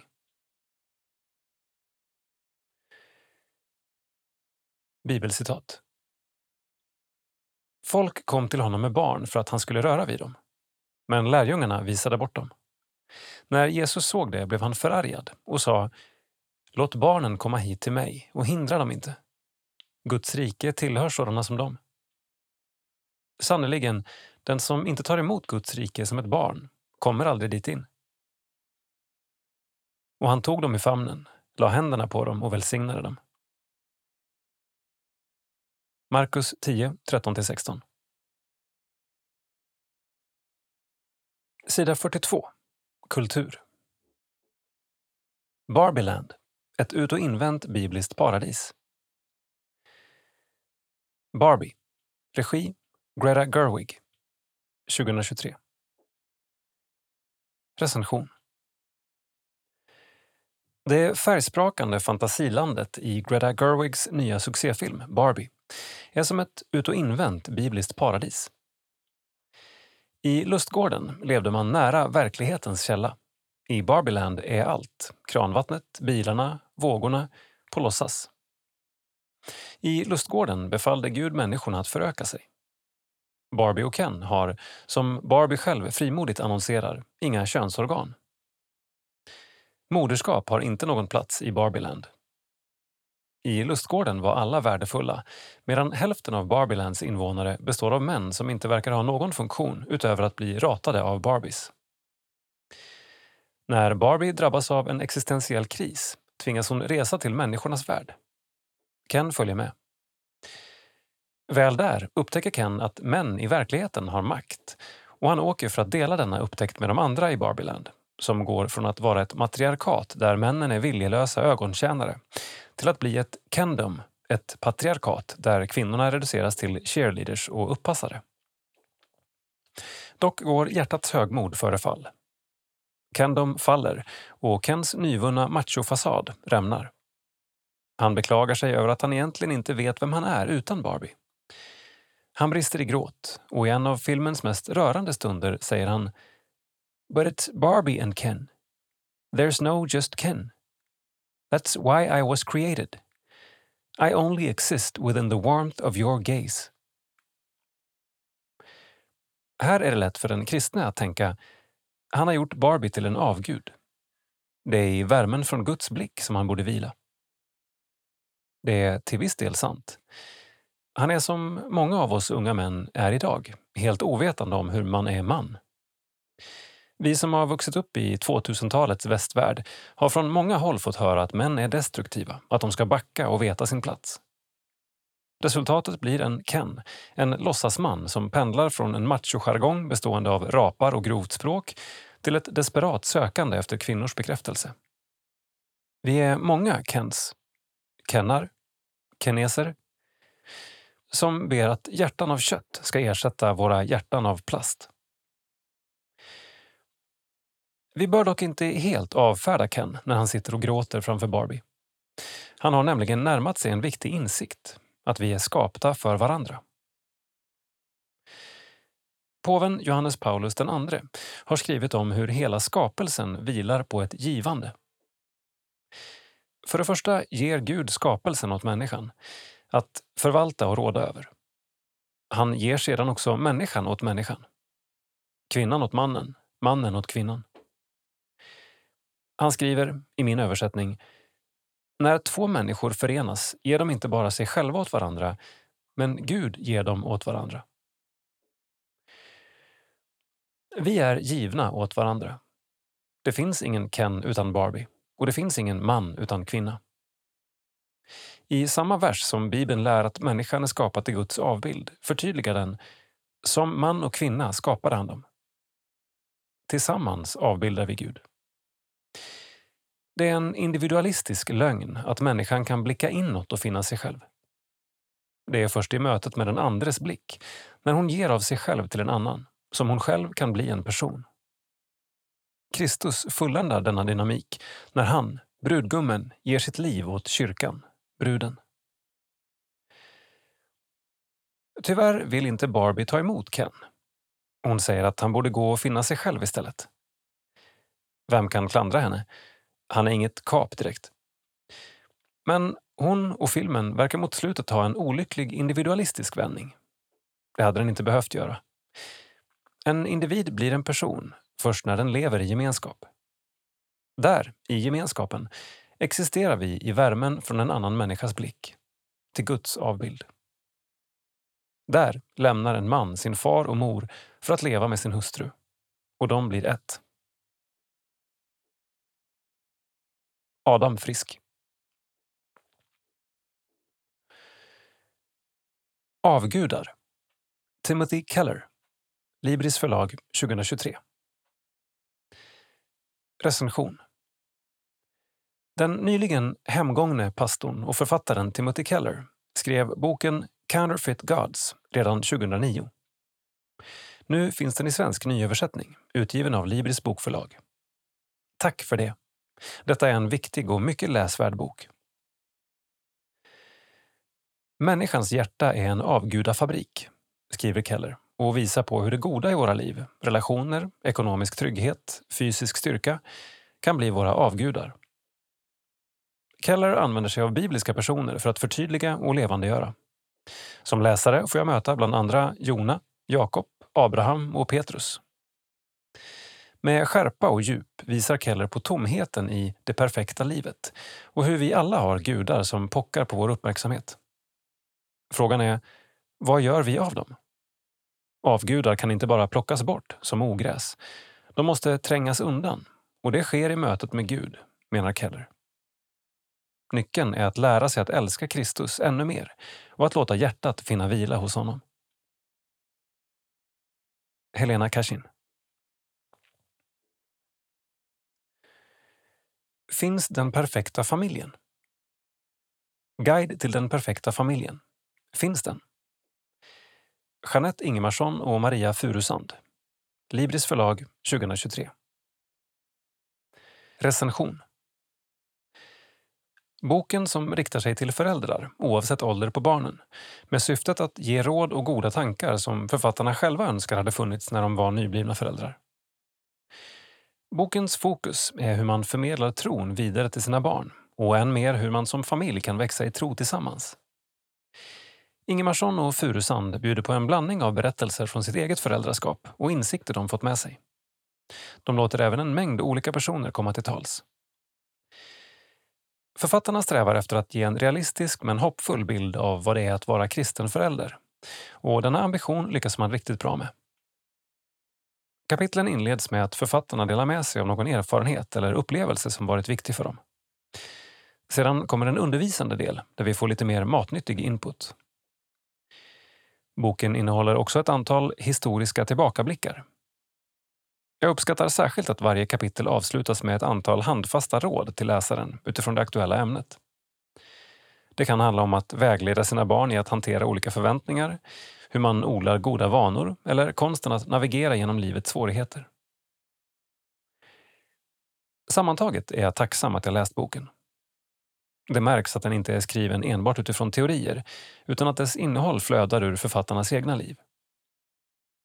Även om råden och insikterna inte är de mest revolutionerande är de ändå värdefulla och utgör en tacksam läsupplevelse för föräldrar i olika skeden av föräldraskapet. Mikael Rastas Vägledning för ökenfärden. Vägen genom öknen. Arvid Nyström. Sjöbergs förlag 2023 Recension. Att livet inte alltid är enkelt är knappast någon nyhet. Men vad gör du när livet bjuder på öken och ödemark? Eller när du är på väg ner i en känslomässig dal? Boken Vägen genom öknen vill stärka läsaren i sin vandring i livet, framförallt när det är tufft. Författaren Arvid Nyström ger många relevanta exempel från Bibeln på hur man som kristen kan navigera genom livet när vägen är krokig. Många av bibelberättelserna i boken är hämtade från Gamla testamentet och Arvid Nyström skriver på ett sätt som gör att de blir relevanta och applicerbara i vår tid, utan avancerade teologiska utläggningar. Boken är skriven på ett vardagligt sätt och kan läsas både av den som är ny i tron eller någon som gått med Gud större delen av livet. Vägen genom öknen har en stark bibelförankring och författaren källhänvisar till de bibelberättelser där utläggningarna är hämtade ifrån, vilket gör att det är enkelt att fördjupa sig mer i de texter och ämnen han tar upp. I slutet av varje kapitel finns samtalsfrågor, vilket gör att boken fungerar bra i samtalsgrupper och bönegrupper. Inför ett nytt kapitel rekommenderar Arvid också att läsa några utvalda bibelställen som är relevanta inför nästkommande kapitelsämne, vilket förstärker läsningen. Adam Govik Låt ditt ansikte lysa över mig. Johan Reftel Argument förlag 2023 Recension Vilken genialisk bönbok, skriven av Johan Reftel. Den vänder sig till äldre tonåringar och unga vuxna. Men jag tycker att den även passar till den som vill komma igång med bönelivet men inte vet var man ska börja. Den innehåller 30 böner som man kan be på en, fem respektive 15 minuter. Jag är helt såld. Varje bön utgår från en vers i Saltaren som man upprepar och sedan stillar sig 30 sekunder om man bara har en minut. Har man fem minuter ber man utifrån versen och vid 15 minuter lyssnar man även på en lovsång och läser en reflekterande text. Det kan vara utmanande att behålla ett eget böneliv i olika brytpunkter i livet. Till exempel att flytta till en ny ort för att studera. Och därför uppmuntrar jag att ge bort denna bok till nyblivna universitetsstudenter eller den som vill blåsa liv i sin relation till Gud. Jag kommer med stor glädje använda boken för korta stunder med Gud under denna höst. Lovisa Lo Fundell Sida 46. Kultur, bibelord. Psalm 774. Som när ett barn kommer hem om kvällen. Som när ett barn kommer hem om kvällen och möts av en vänlig famn. Så var det för mig att komma till Gud. Jag kände att där hörde jag hemma. Det fanns en plats i Guds stora rum. En plats som väntade på mig. Och jag kände här är jag hemma. Jag vill vara ett barn i Guds hem. För körsångare i kyrkor och bönhus, inte minst ungdomskörerna, var 60 och 70-talet en guldålder. Profiler i frikyrkorna som Olle Widestrand, Lennart Järnestrand och Göte Strandsjö bidrog starkt till förnyelsen av musiken med ett nytt tonspråk och breddade teman. Göte Strandsjö född 1916, var särskilt produktiv. Han växte upp i Malmö i en musikalisk familj som tillhörde den då mycket unga pingströrelsen. Utbildad till sångpedagog blev han lärare och så småningom professor vid Musikhögskolan i Malmö. Han var också körledare, kompositör, recensent och ofta med i tv. I 35 år verkade han också som musiker i sin hemförsamling. Hans framtoning var varm och vänlig, men hans texter kunde också rymma en sälta och en utmaning till ett radikalare liv. En del läsare minns nog tv-programmen Sång på gång, där Strandsjö ledde Nu-kören och presenterade nya andliga sånger. Mötas och skiljas blev en av de mest omtyckta. Körsångare kommer kanske också ihåg musikalen Herren känner de sina med sånger som Gud, du är här och Lovad vare Herren. En sommardag 1967 funderade Göte Strandsjö på hur han skulle kunna uttrycka i en sång hur enkelt han trodde det var för en människa att komma till Gud. Då fick han som i en vision se sig själv som liten pojke. Det var vinterkväll och han hade varit ute länge. Han frös och trappan upp till lägenheten var lång att gå. Men innanför köksdörren var mor. Där fanns värme, ljus och mat, vänliga ord, kärlek och ömhet. Så är det att komma till Gud tänkte han. Och då föddes Som när ett barn kommer hem om kvällen. Denna innerliga sång med sin enda vers är den mest sjungna av Strandsjös många sånger och finns idag i nästan alla samfunds psalmböcker. EFS tog med den i sitt psalmtillägg redan 1986. Tron och frälsningen har många dimensioner. Våra vägar till Gud kan se mycket olika ut och det kan vara olika sidor av kristendomen som talar starkast till oss. Men vi är nog ganska många som kan känna igen oss i bilden av tron som en hemkomst och Gud som den som möter oss med en vänlig famn. Så som en god förälder gärna gör när barnet har varit ute och lekt tills det blivit kväll. Torbjörn Arvidsson Sida 48 Kultur, porträtt Orden flödade ut ur mig. Ångestdiagnosen gjorde henne lättad och plötsligt flödade orden. Nu sprider läkaren Lisa Chudri budskapet om skapelsens fantastiska design och om Guds kärlek till alla människor genom sin poesi. Text Sara Engström. Bild Lovisa Lo Fundell. Klockan är halv nio på kvällen i Indien, men termometern visar fortfarande 35 plusgrader. Vilken dag som helst väntas dock regnet komma och sen pågå till slutet av september.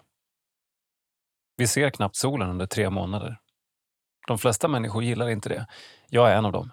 Det blir kallt och mörkt, säger Lisa Choudry och tänker avundsjukt på den svenska ljusa sommaren. Hon har hunnit avsluta arbetsdagen på sjukhuset i Padhar, där hon är patolog. Det innebär att hon undersöker och analyserar prover i ett mikroskop för att kunna fastställa eventuella sjukdomar. Men det är inte hennes viktiga arbete på det EFS-stödda sjukhuset vi ska prata om idag. Lisa Choudry har nämligen även en helt annan gåva. När hon ombeds berätta om hur det kom sig att hon började skriva poesi blickar hon tillbaka till sin barndom. Lisa växte upp i en kristen familj i staden Ludhiana som ligger i norra Indien och gick i söndagsskola i kyrkan och sjöng i kör. Jesus har alltid varit en del av mitt liv, men när jag har blivit äldre och sett mer av livet så har jag fått en mycket djupare relation med honom. Barndomen var dock inte bara enkel. Hon kämpade med huvudvärk och migrän, var ofta orolig, gillade inte att prata med människor, blev lätt arg och irriterad. När jag hade tagit examen på college fick jag ett nervöst sammanbrott för första gången och behövde besöka en psykolog. Där diagnostiserades jag med depression. Hon fick medicin mot depressionen, började studera till läkare och gifte sig. Måendet gick upp och ner och vid några tillfällen blev hon sjukskriven och fick läggas in på sjukhus. 2019 hade jag en riktigt dålig period och gick ner mig ordentligt. Det var en väldigt jobbig tid i mitt liv. Vändningen kom när en kristen psykolog besökte sjukhuset där Lisa jobbar. Efter att de hade pratat en stund konstaterade psykologen att Lisa har GAD, generaliserat ångestsyndrom. Det innebär bland annat att man har ångest, ofta känner sig orolig och rastlös, men även huvudvärk och spända muskler är vanliga symptom. När hon sa det var det som att en stor börda lyftes av mina axlar och från mitt huvud. Det var som att någon hade vridit om en nyckel. Äntligen fick jag en diagnos på allt jag hade gått igenom i mitt liv. Jag var så lättad. Det kan låta konstigt, men det gav mig en förståelse av allt jag hade upplevt.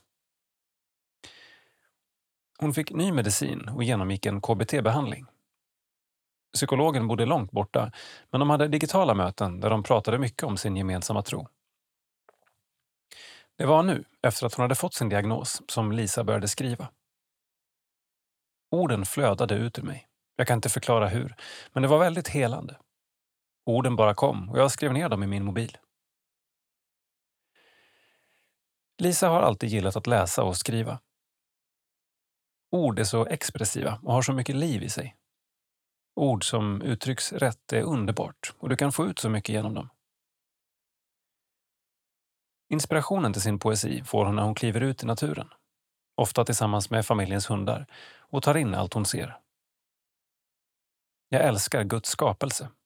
Att titta på träden, himlen, en solnedgång och se hur vackert Gud har gjort allting. Skapelsen berättar för oss hur mycket tanke och design Gud har bakom allt. Med vackra ord beskriver hon skapelsen, men kombinerar det med att konstatera att vår värld inte är perfekt. Att vi alla är bristfälliga människor som lever långt ifrån fullkomliga liv.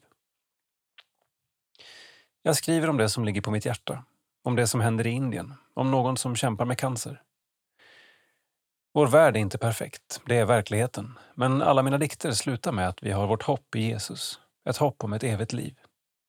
En dag kommer vår värld att bli perfekt, när vi kommer till himlen. Hon citerar Efesierbrevet 6 och 12, fritt ur minnet. Vi kämpar inte mot kött och blod, utan mot furstarna, mot makterna, mot världshärskarna här i mörkret och mot ondskans andemakter i himlarymderna. Satan försöker alltid attackera oss, göra oss oroliga, men vi behöver säga till honom att han inte har i våra liv att göra. Jesus har redan vunnit segern på korset. Dikterna hon skriver skickar hon ofta till sina vänner, särskilt till de som likt henne lider av psykisk ohälsa. Hon försöker förklara att de inte behöver skämmas och berättar att också hon som är läkare kämpar med detta. Även de som inte är kristna får ta del av hennes tankar om livet, skapelsen och Jesus kärlek. Hon ser det som en möjlighet att kunna så ut evangeliet i en tid när det blir allt svårare att prata om Jesus i Indien. Jag har märkt att många människor letar efter frid i sina liv. En del pratar om att vi bara finner frid i vårt eget hjärta. Men då brukar jag säga att i så fall måste Jesus bo där. Hennes poesi är ibland personlig, riktad till en speciell person. Varje gång en släkting fyller år skriver jag en dikt åt dem. Först frågar jag Gud vad han vill att jag ska säga till den här personen. Och Gud säger alltid Berätta hur mycket jag älskar varje människa, hur speciell just hen är och vilken välsignelse hen är för så många personer. Dikterna blir oftast uppskattade av mottagaren. Men ibland skrattar min familj åt mig och säger “Nu får du hålla tyst, det räcker med poesi”, säger Lisa och skrattar själv. Men hon tänker inte sluta. Överlag tycker hon att vi behöver bli bättre på att berätta för människor i vår närhet vad de betyder för oss, att de har en speciell plats i våra liv. Det gör vi ofta inte förrän vi har begravning för personen. Hon kan längta efter att ha mer tid till sitt skrivande, men är samtidigt glad över sitt jobb på sjukhuset och trivs med kombinationen. Jag tänker att jag borde skriva mina dikter i en blogg eller liknande, för det är så många kamper som vi människor har gemensamt och vi behöver hjälpas åt att ta oss igenom dem. Överallt där det finns en möjlighet vill jag sprida min poesi. Dikt First Light 16 augusti 2023 A new day begins, light and life resounding. Heavenly tunes fill the morning. Come, let us join in. Unfailing love surrounds us, hems us in behind and before. A blanket, a comforter plush, none could love us more. What then can we say?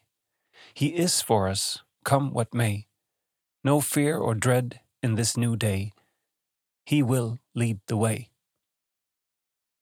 Sing praise to our God Most High, the timeless great I Am, never slumbering, his watchful eye, mindful of us, ever present, the I Am. Today, take a step of faith.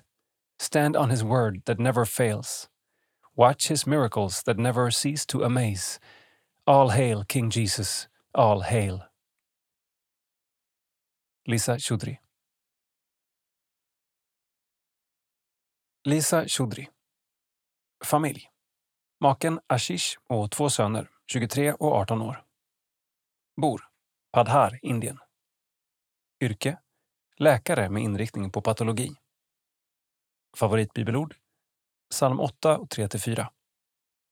Aktuell med Skriver poesi. Fritidsintressen Gå ut med hundarna och njuta av naturen. Baka och laga mat. Träna. Titta på sport. Sida 54. Info. Kalendarium, information, sociala medier och mycket mer som rör EFS och SALT. Har du frågor? Kontakta oss på budis efs.nu. E på gång. Söndagskvällar. Gemensam bön klockan 20.00 till 21.00. Info finns på efs.nu b. 28 september till 1 oktober. Hemavan. Vandra i tro genom livet. En helg i Klippengården. 1 oktober, Uppsala. Installation Pontus Adefjord, Lötenkyrkan. 5 oktober, online. Träff om krisberedskap med Prepperprästen med EFS Västerbotten. 14 oktober, Malmö. EFS Sydöst årliga höstkonferens, riktad. 17 oktober, online. Internationell kväll, EFS Facebook-sida. 21 oktober, Stockholm. Kursen I trygga händer.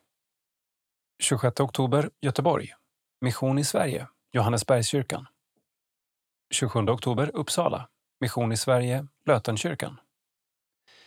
28 till 29 oktober, Åsljunga. Höstlovsläger för dig som går i åttan och uppåt. 24 till 26 november, Uppsala. Livsväg. Nationell konferens för unga vuxna, Lötenkyrkan. Tipsa budbäraren. Har du ett nyhetstips? Mejla till budis efs.nu.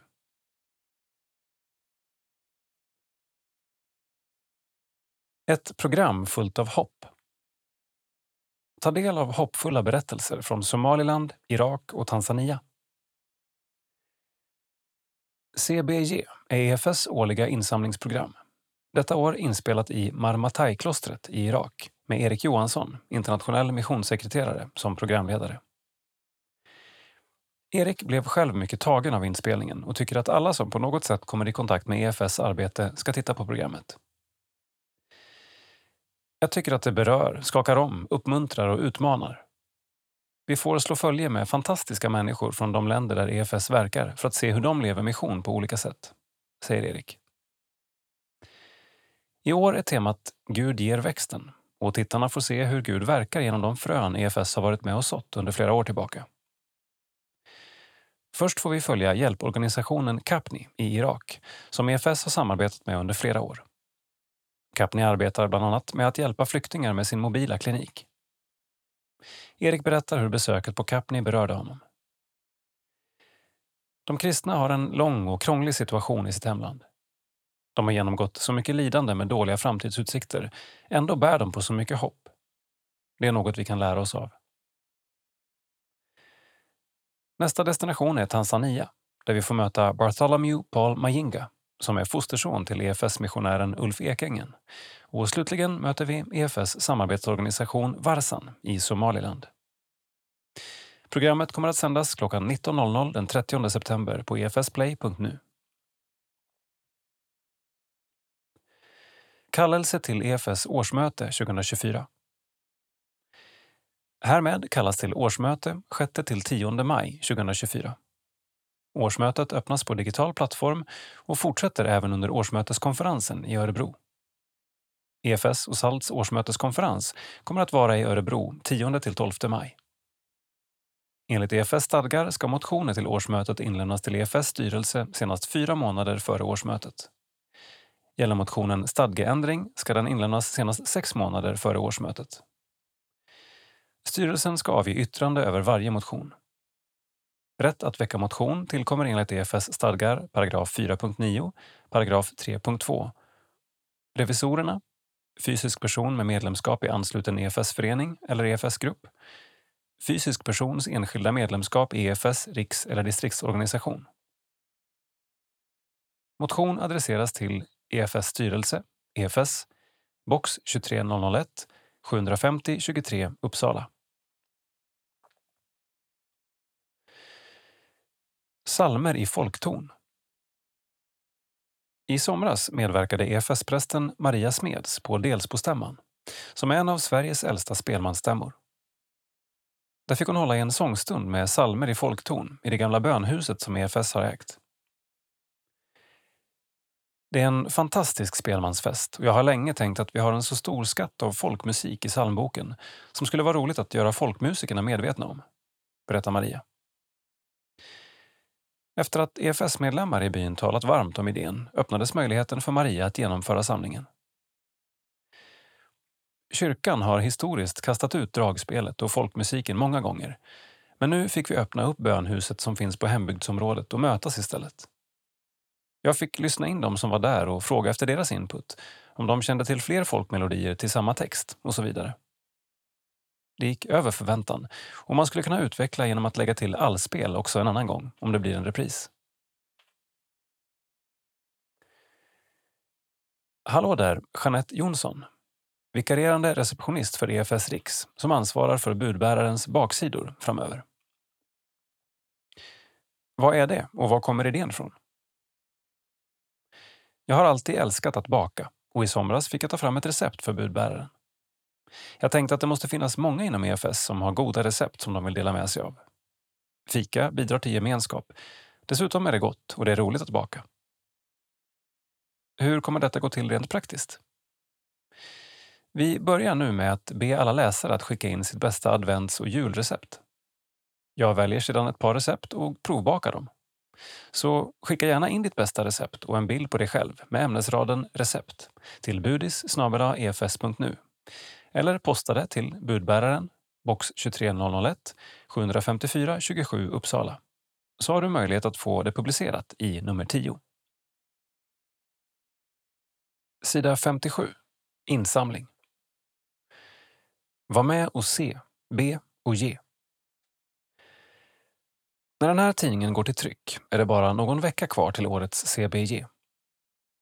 Vår förhoppning är att årets program ska ge en liten glimt av det fantastiska arbete som EFS står i, men också utmana dig att vara med i bön och givande. De senaste åren har EFS internationella arbete gått in i flera nya och svåra områden och i år sänds programmet från Irak, där vi bland annat möter läkaren Aded Isak som önskar att vi ber för dem. Be för oss och glöm inte alla kristna som finns i den här regionen.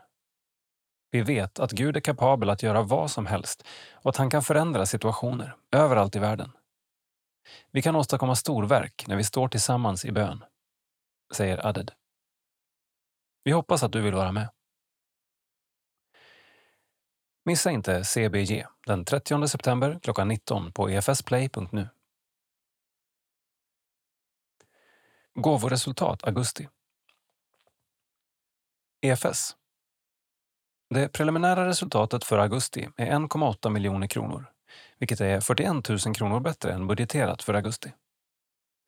Hittills i år har EFS samlat in 16,2 miljoner kronor, vilket är 1,5 miljoner sämre än budgeten för året fram till och med augusti.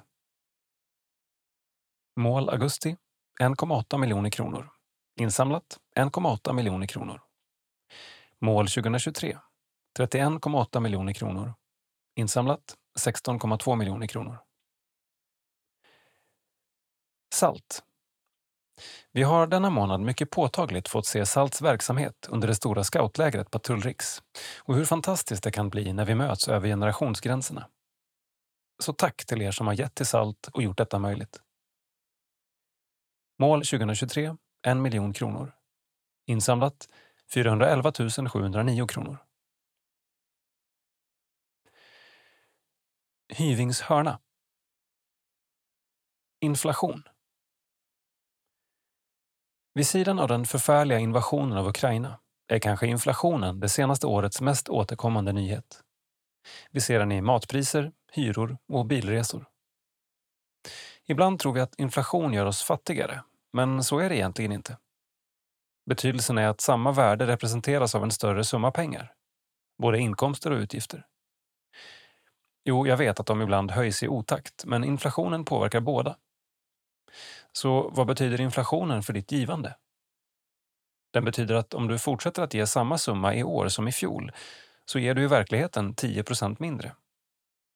Är det vad du vill? Om vi alla räknar upp våra gåvor med inflationen så kan vi uträtta lika mycket som förut. Bra va? Roland Hyving, ekonomichef. Sida 58. Barn i alla länder. Abigail gillar att sjunga och läsa Guds ord. Abigail är tio år och bor i Eritrea på Afrikas horn.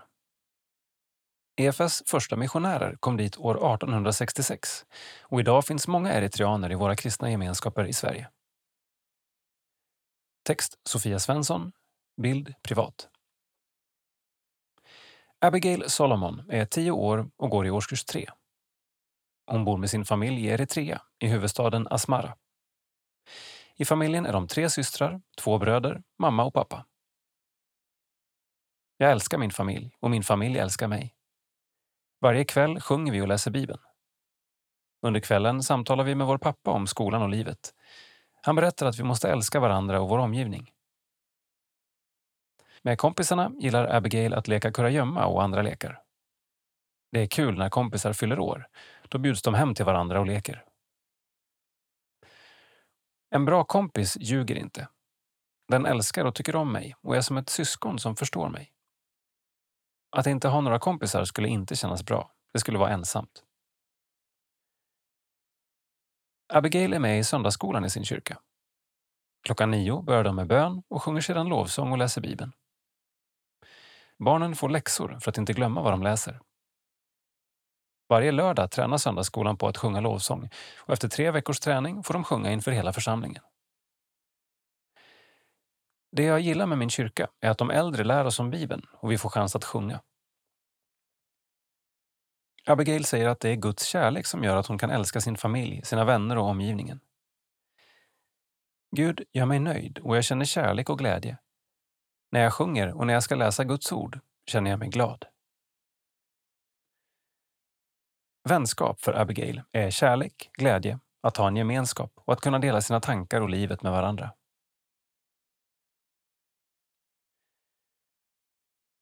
Tillsammans gör vi skillnad. Jag är precis hemkommen från Patrull Riks, där vår halva patrull fick förmånen att bilda gemenskap med en annan kår som öppnade sina armar för oss.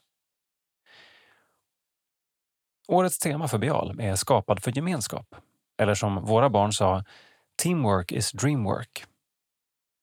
Vi behöver alla varandra på olika sätt och klarar våra uppgifter bäst om vi gör dem tillsammans. Tillsammans fick vi på Patrull Riks bygga våra lägerplatser.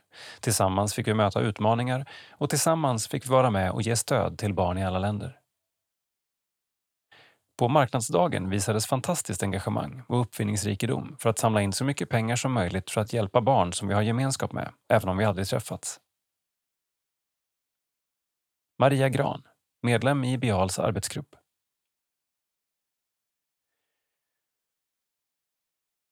Insamlingsresultat. Mål 2023 2 miljoner kronor.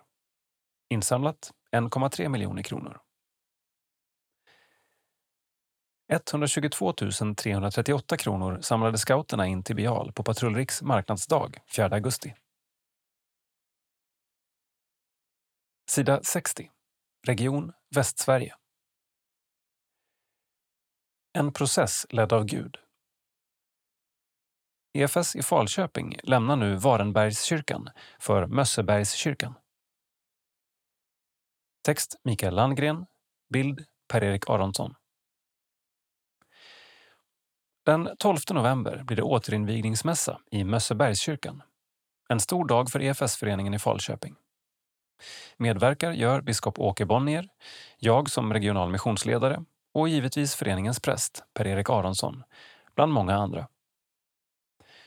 Under en lång process har EFS i Falköping landat i att ta över Mössebergskyrkan och lämna Varenbergskyrkan. Vägen dit började som en tanke och vision buren i bön av Per-Erik, som han sedan delat med andra. Tankarna har stötts och blötts i EFS-föreningen i öppna samtal, omröstning och bön. Man har även hållit gudstjänster på prov i Mössebergskyrkan för att se hur det skulle fungera.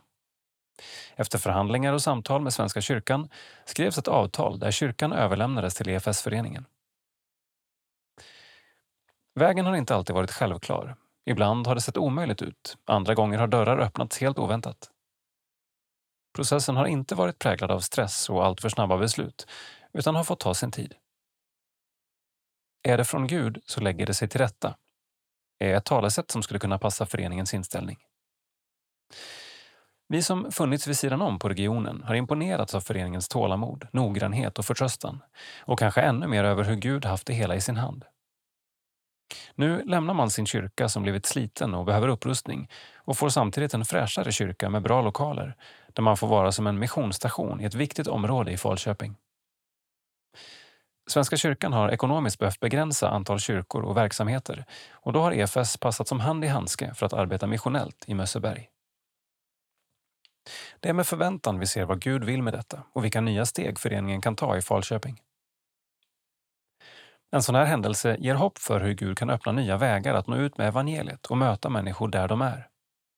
Där kan EFS få ha en viktig betydelse i vårt land som den inomkyrkliga organisation vi är. På det här sättet blir Falköpings EFS ett exempel och en uppmuntran för oss andra hur Gud öppnar dörrar och har omsorg om EFS, men framförallt om de människor som finns i Falköping. Kort sagt, Gud är god. På gång. Hjälmared. Lovsångsmässa på udda veckor 18.30. 29 september, Töllsjö. Connect i Töllsjö. 7 oktober, Floby. Scouternas kämpalek. 14 oktober, Öjersjö. Salts peppardag, Öjersjökyrkan. 26 oktober, Göteborg. Mission i Sverige, Johannesbergskyrkan. 2 till 5 november, Hjälmared. Bära ungdomsläger. Hjälmared folkhögskola. Tack Gud för alla barn, unga och ledare som tillsammans fick härliga dagar under sommarsalt på Hjälmared. Konfa på Sandvikengården, Ekhagen och Hjälmared för konfirmander som fick möta dig. Tölsjö EFS och deras engagemang och hjärta för barn från Ukraina som fick komma till Sverige för två veckors sommarläger. Alla modiga barn, unga och vuxna som reste långt, byggde läger och gemenskap på Patrull Riks. Vår saltstyrelse och vårt regionala utskott och det dygn vi hade tillsammans för att hitta riktning framåt. Sida 62. Ur arkivet. I Ur arkivet gläntar vi på dörren till EFS rika missionshistoria genom en ögonblicksbild, ett personporträtt eller ett föremål med en spännande historia. Vi ser en bild på några gamla hopfällbara bestick och en liten fickkikare. I EFS arkiv återfinns Lars Johan Langes bestick och kikare från missionsbasen i Monkullo. Lange var en av EFS första missionärer som tillsammans med Per-Erik Kjellberg och Carl Johan Carlsson reste 1865 till Östafrika. Lange var också en flitig dagboksförfattare. I hans dagbok framkommer att sällskapet anlände till Eritrea 15 mars 1866 efter att ha lämnat Sverige 27 juni året innan. Lange var vid ankomsten till Eritrea 30 år gammal. I dagboken vittnar han bland annat om att den första tiden i landet präglas av stor hetta, över 35 grader, och att han på grund av detta har svårt att sova om nätterna. Sida 65. Nytt i livet. Avlidna. Siv Böhm. Född 30 maj 1931. Vår älskade mamma, svärmor, mormor, farmor, gamla mormor och gamla farmor har nu fått komma hem till glädjen hos Gud. Borås och Dalhem, 18 juli 2023. Tack för all din kärlek och omsorg om oss alla. Nu får du andas ut. Elisabet och Lars. Gunnar och Elisabet. Lars och Bettan.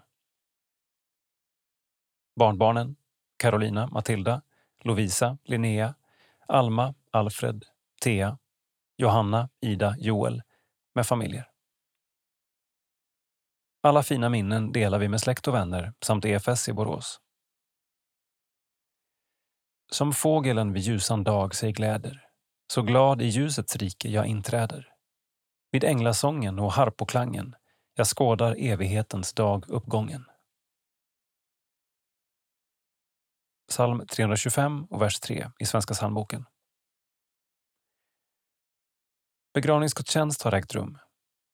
Hedra gärna minnet av Siv med en gåva till EFS i Borås, bankgiro 121-2497 och tänd ett ljus för henne på lenbergs.se. Födda Alexander Kjellander Den 25 juli kom du till oss, lilla Alexander vår son och Vilmas lillebror. Vi älskar dig. Madeleine och Daniel Kjellander. Miriam Ilberg. Den 9 maj föddes Miriam, vår dotter, och Emanuel och Johannes lilla syster. Vi är så tacksamma och glada över denna fantastiska gåva. Elin och Vincent Ilberg. Sida 66. Krönika. Sofia Arleon skriver om att flyga bland solvarma tallar och om att stanna upp i tacksamhet när vardagen rullar igång igen. Barfotaminnen. Solvarm asfalt under fötterna. Litet skrapsår på stortån. Små högar av sand på rad. Det blir så när farmor tömt trätofflorna efter att vi varit på stranden. Hon har bara lyft foten och vickat lite på hälen så har sanden runnit ut med toffen kvardinglandes på tårna. Luften är mättad av solvarma tallar. Ljus och skuggor skimrar på marken. Barr och kottar överallt, som inte sticks någonting alls under sommarfötterna. I en tallskog går det till slut att flyga fram faktiskt och de mjukt dova fotstegen hörs nästan ingenting. Pappa flög här när han var liten, sedan jag, och nu är det mina barn som lyfter här. Det är en nåd att få flyga fram bland solvarma tallar. Det är en nåd att få dela en favoritplats över generationer och att få se mina ljusa sommarminnen bli mina barns. Vi delar samma tacksamhet och bär med oss en bit sommar in i den annalkande hösten, terminstarten, vardagen. Vilket tempo ska vi hålla nu, när jobb och skola och vab och allt dragit igång? Med tre söner i åldrarna två till åtta år brukar det lätt gå upp i en rasande turbofart. Det rullar på. Nu är det tiden som flyger, oavsett hur fort fötterna rör sig. Men jag vill inte att det ska rulla på, inte obemärkt. En annan favoritplats finns i Galaterbrevet 5.25 i den engelska översättningen, New International Version. Since we live by the Spirit, let us keep in step with the Spirit. Jag vill hålla jämna steg med Herren, följa den väg han har för mig, ta på mig villighetens skor, vara alert för hans vilja och plan. Det lyckas jag sällan med, men tack och lov får vi börja om. Om och om och om. Tacksamheten slår hål på ekorrhjulet. Den får mig att stanna upp, blicka upp. Påminner mig om vem som är Herre, om Jesu närvaro. Att det är han som råder, räddar och reder i mina tankar. Tacksamheten lyser upp. Men det gäller att komma ihåg den, att tända upp i vrårna. Varsamheten över allt vårt goda, förunnade, mitt i vardagskaoset mitt i livet. Vilken riktning går du åt i höst? Vart är din församling på väg? Är det full fart framåt med löparskorna på? Finns det ett skav som behöver ses över? Eller är det rent av så att skorna bäst ställs i hyllan och att det är tid för att bromsa ett slag? Att falla ner på knä? Stanna? Vara? Lyssna? Var vi än vandrar, snavar, faller, stannar, stampar, reser oss, dansar eller irrar, så vet vi att klippan alltid är under. Tack Jesus för det hoppet, den styrkan, den friheten. Ditt ord är mina fötters lykta och ett ljus på min stig. Psalm 119, vers 105. Sofia Arleon, Helsingborg. Tack för att du har lyssnat.